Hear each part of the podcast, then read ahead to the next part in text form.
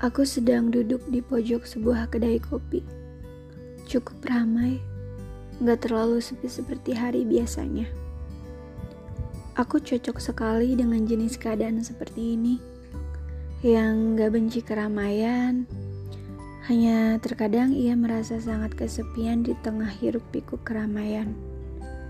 Mungkin yang merasa gak cocok dan gak sepahaman akan bertanya, Kok sendiri atau sendirian?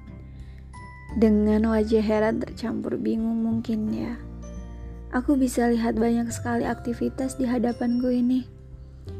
Ada yang sedang mengobrol dengan rekan kerjanya, ada yang terlihat asik sendiri dengan laptopnya, ada yang gelisah menunggu seseorang yang gak kunjung datang.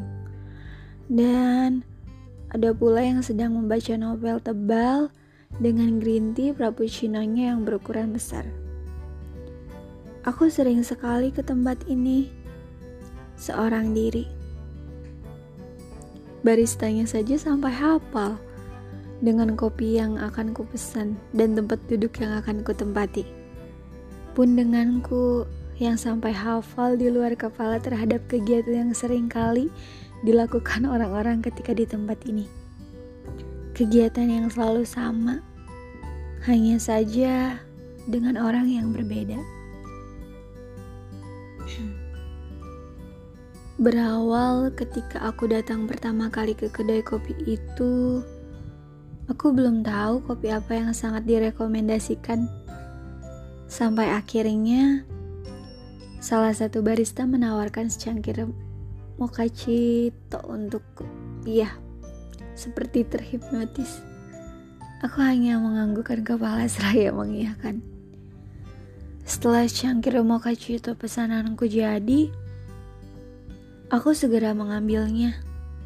Kemudian mencari tempat duduk yang nyaman. Yang akan membuatku betah untuk berlama-lama.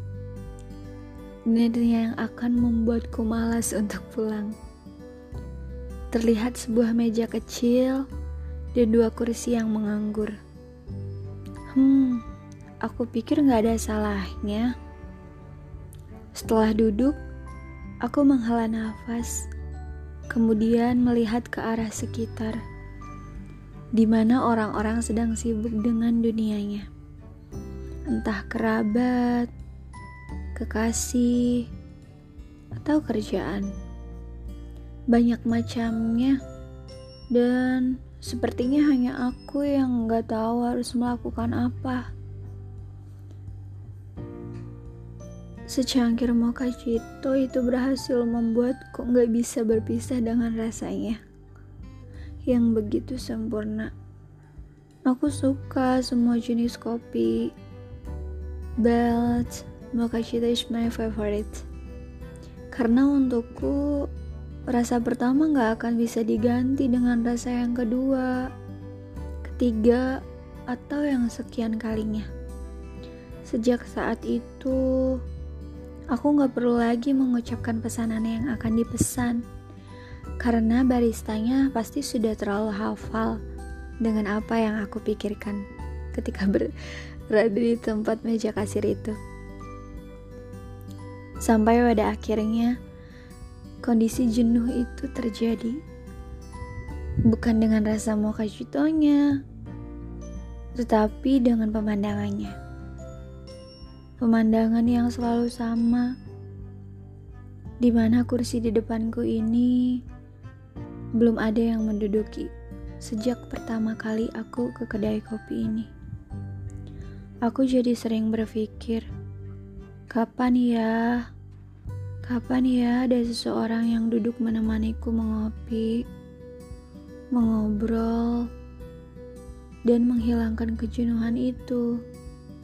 Gak mudah, tapi bisa jadi simpel.